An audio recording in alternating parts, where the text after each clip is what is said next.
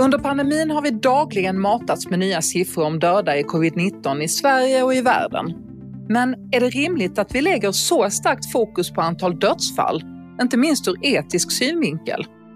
Finns det inte också en risk att de här siffrorna skymmer andra offer som denna pandemi skördat? Inte minst ur ett sjukvårdsperspektiv. Välkommen till Etikpodden, podden där Region Skånes etikråd tillåter sig att utmana åsikter och resonera kring några av vårdens allra svåraste överväganden. Syftet är att stimulera till en fördjupad etisk diskussion kring dessa komplexa frågor.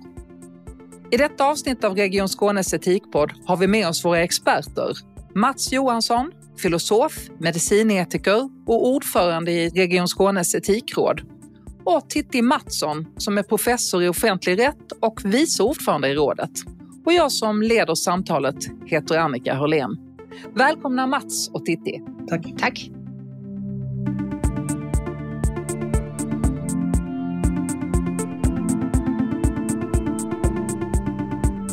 Då kör vi igång med detta premiärpoddavsnitt där vi fokuserar på covid-19 och de etiska utmaningar som pandemin får med sig. Av begripliga skäl har ju antalet dödsfall haft en central roll i rapporteringen. Mats, hur ser du att detta har påverkat vårdens och samhällets prioriteringar? Ja, det, det, är svårt att säga. Det här med dödsfall och siffror kring antal döda är ju ett väldigt intressant område. Eh, det har getts väldigt stor medial uppmärksamhet och det är ju någonting som allmänheten framförallt har fått ta del av. Men detta fokus på just antal döda förtjänar ju reflektion. Eh, för samtidigt som, tänker jag, det är avspeglat stort lidande för drabbade och djup sorg för anhöriga och så vidare och någonting att ta på allvar, så finns det en risk att siffran också döljer andra problem. Vad tänker du då? Dels så är inte, om, vi börjar med själva sjukdomen i sig, så är ju inte eh, döden det enda negativa utfallet utan det finns ju personer som drabbas väldigt hårt av den här sjukdomen som inte dör. Alltså vi talar ju idag om personer som lider av långtidscovid. Så det är ju ett exempel. Men i övrigt så är ju sjukvården väldigt hårt pressad av den här situationen som nu råder på grund av, av den pågående pandemin och eh, det här slår ju mot hela sjukvården. Eh, och det är ju lätt att kanske att förbise om man inte har ett helhetsperspektiv här utan tittar just på dödsfallssiffran. Och vi, vi pratar också om samhället i övrigt, hur det påverkas. Eh, eh, vad tänker du om det Titti, som ju ur, ur en mer juridisk aspekt? Ja, för att återkoppla lite till vad Mats säger här så, så är det ju eh, så att det alldeles det mest övergripande målet som vi, som vi har. Eh, det finns ju lagstadgat i hälso och sjukvårdslagen och det är ju en god hälsa och en vård på lika villkor för hela befolkningen. Det är det som man så att säga ska ha som mål när man går till jobbet eh, egentligen varje dag som man övergripande har att arbeta som policydokument också. Och det är klart, det, det, är hela befolkningen som man då säger. Det, det innebär ju att det, det, är ett omfattande krav som man har och, och vi vet ju och har sett och läst i tidningar om att det är väldigt mycket annat än dödstal som, som coronapandemin orsakar. Och det kan givetvis då röra sorg från anhöriga men, men också eh, att vi har en psykisk ohälsa eh, bland en del av befolkningen som har ökat påtagligt. Och att vi också har barn som kanske far illa av att eh, vara hemma i otrygga miljöer. Ja, det finns många andra sådana exempel eh, som kan innefatta att hälso och sjukvården eh, har ett ansvar där också, precis som givetvis andra myndigheter också kan ha. Eh, men om vi då håller oss till hälso och sjukvårdslagen så, så är, det, är, det, är det ganska mycket som, som hälso och sjukvården faktiskt har att tänka på som är vidare än dödstalen. Men, men jag tänker, ni som är etiker, eh, hur skulle man kunna angripa och rapportera på ett bättre sätt eller på ett ett sätt som hade kunnat eh, ge tydligare vink om vad det här handlar om? Ja, om, om jag får komma in där så tror ju jag att det, det är ett problem med den mediala bevakningen är ju att eh, vår uppmärksamhet kanske är ganska begränsad och man försöker hitta rubriker som som snabbt sammanfattar läget och så vidare. Alltså kunskapen inom sjukvården om, om läget den är ju långt mycket större förstås. Men en sak man skulle kunna diskutera ännu mer än vad man har gjort det är ju den vårdskuld vi nu drar på oss, tänker jag. Eh, det vill säga viktig vård, ibland oerhört viktig vård som eh, kan behöva skjutas upp på grund av att personal är sjuka eller att personal behöver tas till eh, covid-avdelningar och så. Men samtidigt så har man ju sagt att, att den allra så att säga mest allvarliga sjukdomar eh, med mer att det inte ska behöva drabbas av det hela. Ja, så säger man ju förstås och det är ett önskemål. Eh, vi vet ju att vården är väldigt hårt pressad och det här är ett problem att ta på stort allvar. Men anta att de allvarligast sjuka i Sverige får den vård de behöver. Det finns ju fortfarande många andra nivåer av vårdbehov vars vård behöver skjutas upp och som kanske lider av, av detta. Så termen vårdskuld tänker jag är lite lätt missvisande för det låter ungefär som en skuld man kan amortera av längre fram. Men de som har behovet nu, de drabbas nu. Mats, du pratar om vårdskulden här utifrån vårdens perspektiv. Eh, Titti, hur ser du på det utifrån ett mer juridiskt och kanske samhälleligt perspektiv? Ja, först tycker jag att det är verkligen eh, inte så att man ska underskatta dödstalet. Det är ändå det mest oåterkalleliga vi har. Det går att göra en, en, en sjuk människa frisk men en, en, en död person det, det är oåterkalleligt och, och det måste vi givetvis ha med oss. Men precis som Mats säger så finns det ju också andra, många andra perspektiv som är viktiga och en som vi uppmärksammas till del men kanske inte tillräckligt ja, det är ju hälso och sjukvårdens svåra situation. Eh, att kunna ta sig an eh, all den hälso och sjukvård som man har eh, att, att med lagens stöd också fullfölja varje dag trots eh, att man har en sån oerhört svår situation att klara det här rent praktiskt. Så, så det är inte bara patienter som är offer här skulle jag säga utan det är också hälso och sjukvårdspersonal som har en oerhört svår situation och som arbetar med eh, det allra tyngsta just nu skulle, skulle jag säga. Där finns ju en lag som också ska skydda personal. Eh, jag tänker på arbetsmiljölagen och eh, personal som inte har fått semester, personal som jobbar timmar som eh, sträcker över längre tider än vad man brukar och kanske också under andra omständigheter dessutom med någon slags hot av sjukdomen eh, kring sig dessutom hur manövrerar man i det här? Ja, det är en jättebra fråga som du ställer hur man manövrerar. I ett akutläge så har man inte så mycket eh, rådrum för den typen av frågor ens tror jag och ännu mindre lösningar. Eh, och, och hälso och sjukvårdens personal har ju den särskilda situationen att man kan eh, inkallas eh, på lite annat sätt än, än, än kanske du och jag har. Eh, så att det blir en senare fråga. Vi kommer att se väldigt många sådana här frågor dyka upp efterhand som efterverkningar av pandemin och eh, jag tror att eh, man behöver diskutera kring personalens arbetsförhållande under den här typen av pandemier som vi ju kommer att få kanske se fler framöver. Det ena är ju det som är lagstiftat eh, och som du säger Titti så har ju, står ju vårdpersonal under kanske lite andra arbetsmiljölagsförhållanden än andra. Men samtidigt så tänker jag ur den etiska aspekten Mats med att man faktiskt forcera personal till att jobba eh, under omständigheter och under tider med mera som man inte normalt gör. Hur det kan påverka vårdmedarbetare i förlängningen. Har du någon kommentar till det? Eh, det är svårt att säga förstås hur, hur vårdpersonal fungerar och, och, rimligheten i detta. Men det är klart att vi får många vittnesmål om att personal är slutkörda. Och här finns det också en etisk problematik, nämligen den etiska stress eh, och otillräcklighet många kan uppleva. För svåra beslut är ju inte, det är inte ovanligt i sjukvården, men att jobba långa dagar och behöva fatta mycket svåra beslut och känna sig otillräcklig, som jag tror en del gör, det är ju väldigt tärande. Att då inte heller få tillfälle till återhämtning är ju förstås något att ta på stort allvar. Ja, covid-19 har ju verkligen drabbat och begränsat och påverkat oss alla. Det finns ju ingenting i vardagen som är som det brukar vara, eller hur? Eh, och jag tänker inte minst på alla de äldsta, sköraste på våra äldreboenden, hur det har påverkat dem där målet har varit att skydda dem. Samtidigt så har det ju också fått en del negativa konsekvenser. Jag tänker på isolering och därmed sämre livskvalitet.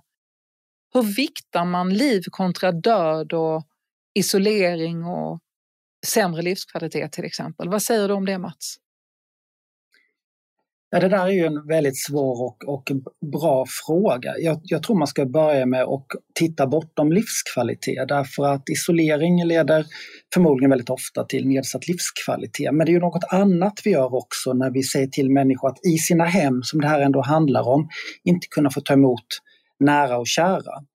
I normalfallet så är detta en stor inskränkning, en stor begränsning i människors liv. Och det innebär ju att det som ska ligga i den andra vågskålen måste vara något väldigt betydelsefullt. Då är det ju liksom risk att smittas och dö, så det är klart att alla förstår eh, den saken. Men jag tycker att det är viktigt här att ha respekt för eh, just hur otroligt svårt ställningstagande det är att begränsa människors eh, möjlighet att träffa anhöriga till exempel. Då. Jag tänker också det här med mänskliga rättigheter har ju kommit upp som en, eh, som en fråga inom det här också. Är detta verkligen i, i, i takt med de mänskliga rättigheterna att isolera, eh, eh tvångsisolera på det här viset? Vad säger du Titti?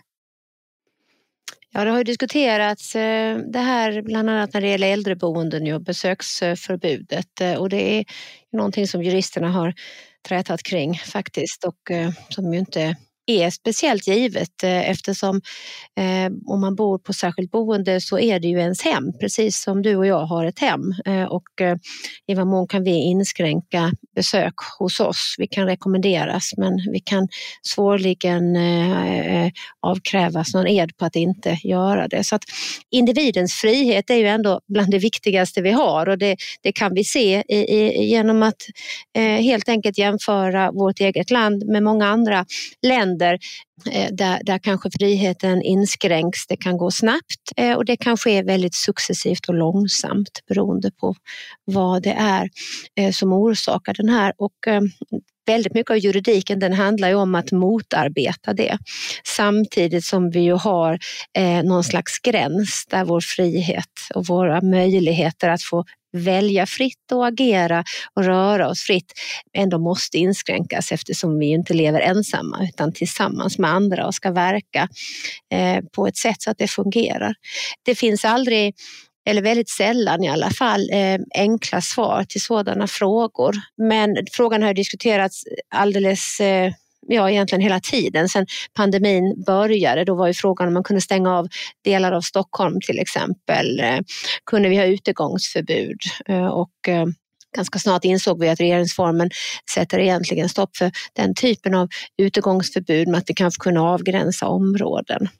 Vi har inte varit med om det här tidigare, vi har inte varit i krig på väldigt, väldigt länge, vi har inte den lagstiftningen som riktigt anpassad för den här typen av extrema situationer som vi befinner oss i idag utan det blir ett eh, ganska så eh, kurvigt sökande skulle jag säga och det kan man väl säga att den typen av pandemilagsutveckling och så som vi har haft nu det, det är en återspegling av det här hur vi försöker att hela tiden behålla individens frihet och eh, samtidigt försöka motarbeta pandemins eh, härjningar i, i Sverige. Jag tycker det är viktigt också att komma ihåg att Eh, besöksförbud och vissa åtgärder, det slår ju väldigt olika mot olika personer. Alltså det är de som bor på särskilda boenden som får den här typen av, av förbud och det finns ju goda skäl till det som man bör diskutera förstås. Medan den som bor kvar hemma i en villa eller en lägenhet, de kan själva göra den här riskbedömningen om man vill ha besök och så vidare. Så de har fortfarande liksom en möjlighet att göra detta på, på, på ett annat sätt. Eh, och det kan också upplevas av vissa kanske som, som en orättvisa och att, att man drabbas olika hårt av olika typer av samhälleliga ja, förbud eller, eller rekommendationer. Jag tänker att också att eh, människor som bor i äldreboenden har ju också olika sjukdoms Eh, situationer. Det finns ju alltifrån de som är, är sjuka och gamla och behöver hjälp och assistans just på grund av fysiska hinder. Sen så finns det ju också de som är demenssjuka och som verkligen eh, i detta sammanhang har lidit stort eh, och många, man har sett att många har försämrats i sin sjukdomsbild så att säga. Skulle man kanske kunnat haft olika slags besöksregler för olika boenden just av det här skälet? Mats, vad säger du om det? Skulle man kunna tänkt sig att man hade gjort differentierade eh, besöksförbud? Ja, men det kan man väl tänka sig. Alltså, jag vill absolut inte påstå att man borde ha gjort det eller så, men om vi tittar på hur besöksförbuden i, i grund och botten alltså, tanken bakom dem så är ju just det att det är, om, det är i verksamheter där det finns en stor risk att människor drabbas väldigt hårt, där man ska ha särskilt hårda. Och då är det en form av avvägning mellan nyttan och, och, kostnaderna för, för individerna. Och ju större kostnaderna blir för individer av att ha den här typen av restriktioner, eh, ju mer rimligt blir det kanske att, att ha något annorlunda regler. Men det är en oerhört svår fråga förstås att ta i. Och, och, inte heller helt självklart att eh, vi har eh, den lagliga möjligheten att kunna eh utverka den typen av besöksförbud. Med de besöksförbud som ändå har eh, så att säga eh, beslutats, är det så att, vi, att det kan innebära juridiska efterföljder Ja, det kan vi få på olika sätt. Vi har ju redan sett här nu på IVOs eh, genomgång eh, och pågående också eh, där man eh, har, har menat på att man har ut, utfört olika typer av inskränkningar som inte har varit korrekta enligt, enligt lag. Eh, och eh, sen har vi också Äldrekommissionen som ju ser över det här. Det som jag tror kanske är möjligen då någonting positivt i, i, i den här svåra situationen, ja, det är ju att vi får verkligen diskutera och analysera de här frågorna. För det här är ju inte helt och hållet nya frågor. Vi har ju en ökad eh, befolkning som får demens och med demensen så har vi frågan om hur vi ska agera med personer som har nedsatt beslutsförmåga och i, i deras rörelse, rätt till rörelseutrymme eh, i förhållande till att risken för skada andra och så vidare som, som är nästan vardagsfrågor på många äldreboenden men olösta sådana eh, och som innebär inskränkningar det, det, är jätteviktiga frågor som vi inte riktigt har någon, någon bra lagstiftning för i Sverige idag. Kanske kan den här typen av pandemin faktiskt framtvinga en, en diskussion om det. Det tror jag eh, skulle kunna vara bra för det, det är som sagt inte helt och hållet nya frågor, en del av de frågorna som dyker upp nu.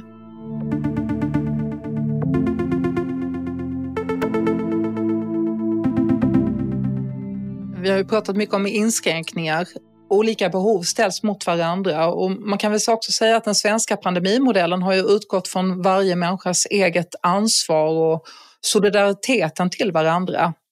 Och i takt med att den här smittspridningen har stegats i vårt samhälle så har ju restriktionerna skärpts och vi har till och med fått en ny pandemilag.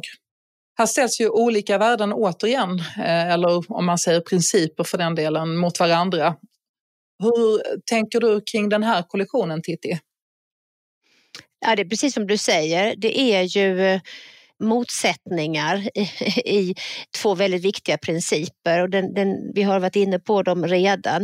Eh, den ena den handlar om individens frihet, eh, att vi lever i ett eh, land där vi ska få, få, få röra oss och verka och så länge vi inte så att säga, skadar andra så har vi, har vi ju, och där har vi en brottsbalk som sätter regelverket även där, eh, så har vi möjlighet att, att få agera ganska fritt omkring oss. Ehm, Å andra sidan har vi solidaritetsprincipen att vi lever inte solitära utan vi lever i ett samhälle där vi måste också eh, ta ansvar för våra handlingar i förhållande till de efterverkningar de har för, för andra människor.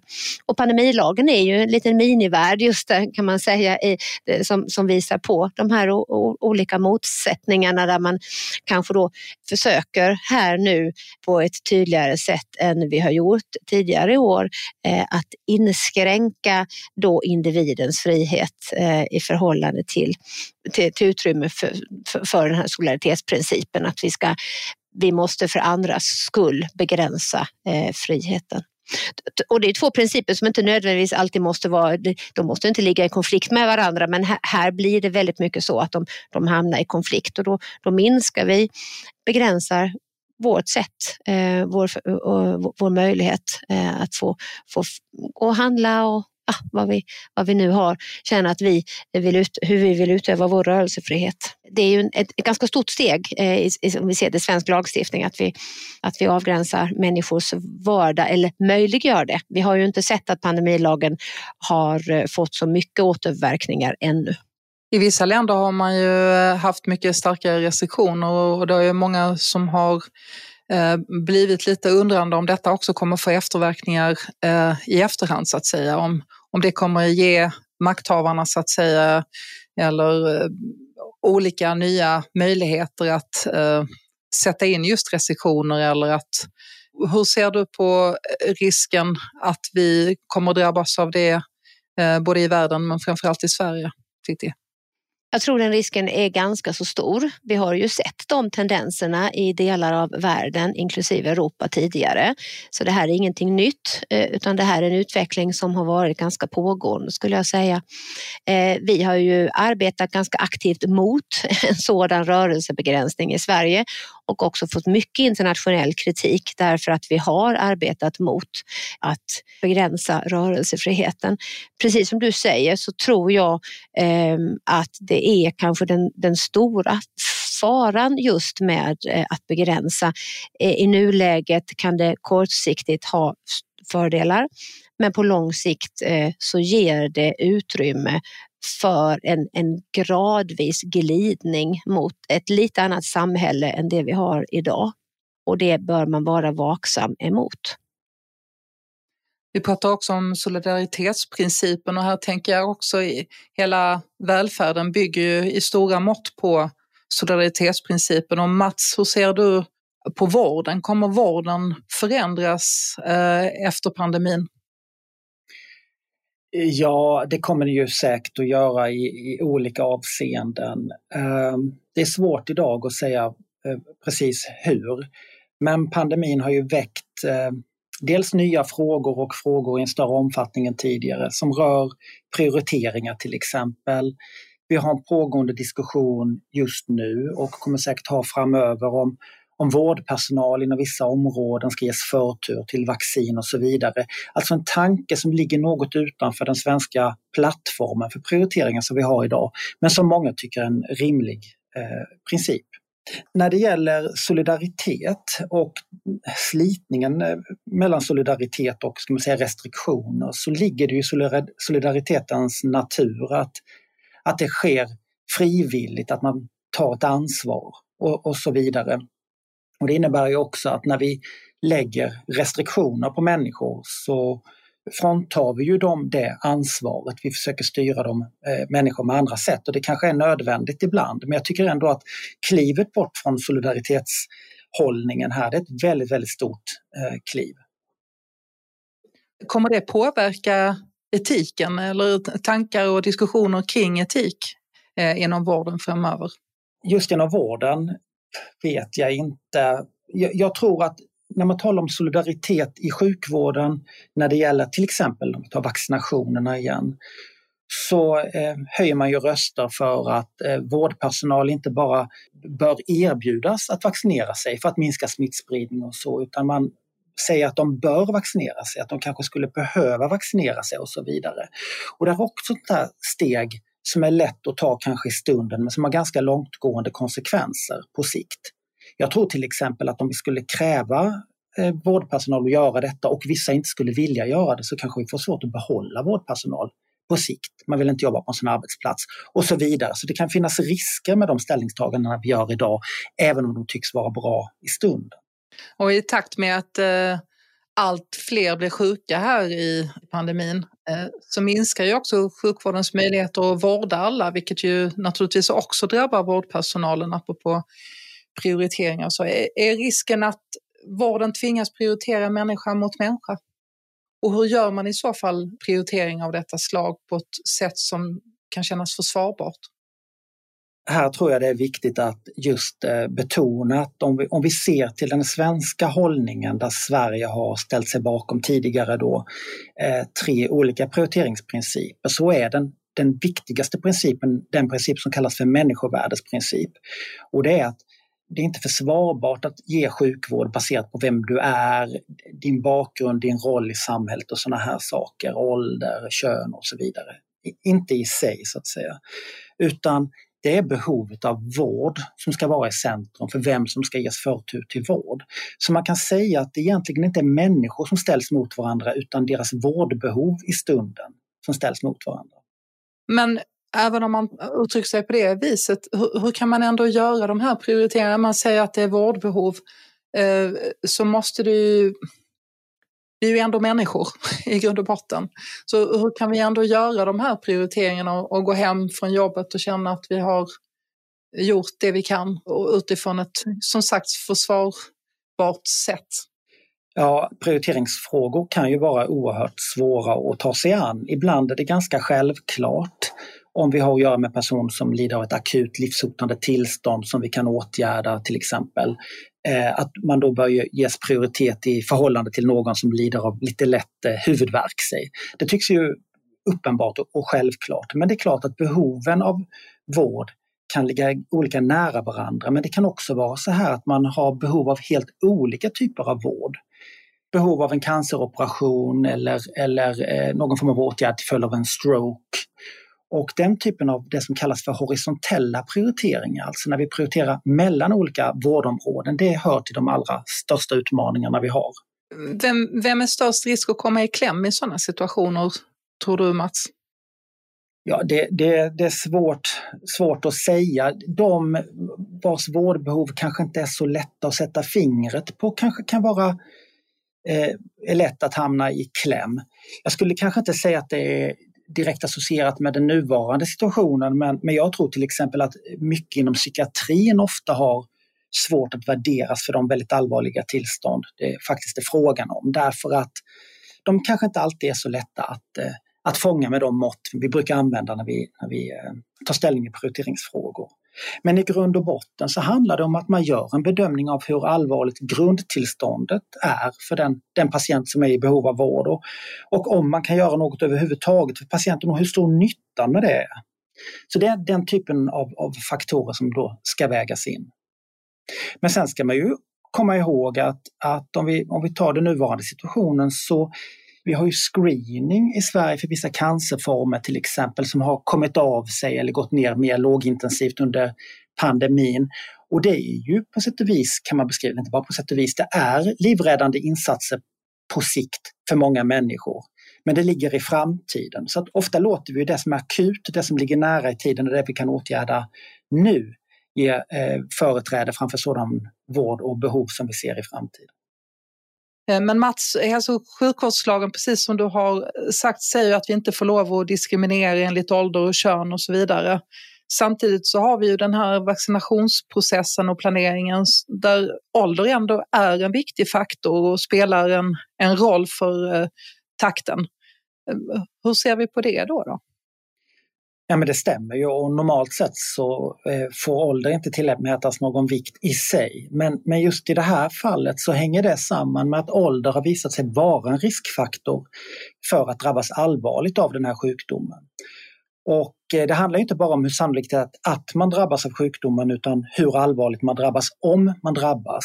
Och eh, det hänger samman bland annat med ålder. Det finns andra faktorer också men där är ålder en sak som man bör fästa vikt vid eller har fäst vikt vid. Så det är inte fråga om någon diskriminering i det här fallet. Det här är ju stora etiska frågor och värden som hela tiden ställs mot varandra i den här diskussionen som vi har.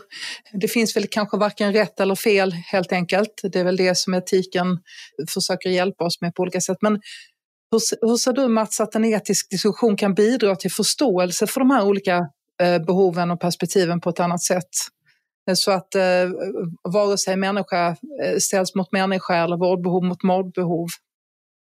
Jag tror vi behöver ett pågående samtal kring vad som bör vara vägledande för sjukvården eh, och se över kontinuerligt vilka principer vi ställer oss eh, bakom på samhällelig nivå men också förstås på, som, som individer. Eh, och sedan tror jag ju att en, en roll för, för etiken det är ju att systematiskt granska de komplexa problem vi faktiskt står inför och inte väja för komplexiteten. Eh, att det finns områden där intressen ställs mot varandra och vi måste välja. Eh, och vilka principer eh, bör vara vägledande då? Och det är exempelvis frågor som vi redan varit inne på, vem bör ges vaccin först? Men också frågor kring vem bör ges sjukvård först i en akut till, eh, situation.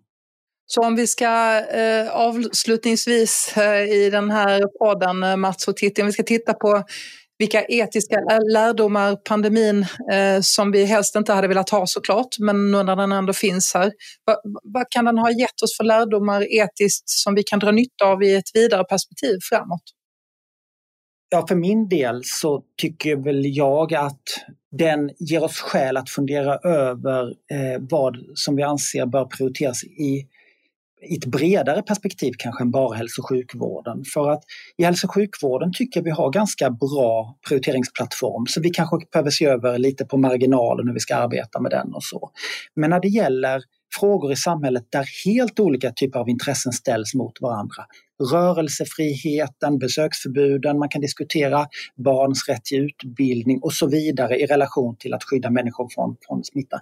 Den typen av diskussion hade man önskat att man har långt innan man befinner sig i den här situationen. Och Titti, vad ser du för, att, för juridiska, etiska lärdomar pandemin kan ha gett? Ja, jag tror att den kommer att snabba på den utvecklingen som vi redan har lite grann. Och det handlar om att vi får ett samhälle som är lite mer juridifierat än tidigare, det vill säga att vi vi kommer att se eh, mer eh, juridik, vi kommer att se mer lagdiskussioner, eh, strukturella förändringar kommer att eh, eh läggas samman med nya lagförslag, eh, organisatoriska också kanske. Eh, vi kommer att se att mänskliga rättigheter, rörelsefrihet, rätten till liv, rätten, ja, olika rättigheter vi har varit inne på, rätten till att eh, få, få, få vara frisk och, och få, få ta del av det sociala välfärdssystemet. Ehm, att det kommer sättas under lupp eh, och att ehm, det kommer kanske att bli också lite hårdare diskussioner eh, både politiskt och rättsligt eh, och i domstol kanske framöver. Både när det gäller ersättningskrav såklart efter pandemin men också hur ska vi undvika de problem som vi åsamkades den här gången och vad är det egentligen för samhälle som vi bygger med våra lagar det tror jag vi kommer att se mer framöver. Tack så hemskt mycket för detta Titti Mattsson och Mats Johansson. Idag har vi lyft Etiska rådets frågeställningar som väckts av pandemin. Men det kommer ju fler avsnitt. Och har du en idé om vad Etikpodden bör ta upp så får du gärna kontakta Region Skånes etiska råd. Kontaktuppgifter och information om aktiviteter och annat intressant hittar du på Etiska rådets hemsida skane.se etiska bindestreck radet. Den här adressen hittar du också i beskrivningen i texten till eh, det här poddavsnittet. Och ett sista tips. Håll utkik efter Etikpodden. För vi kommer fortsätta våra intressanta diskussioner där. Bland annat kommer vi lyfta frågeställningar som aktiv dödshjälp och gränser för tolerans.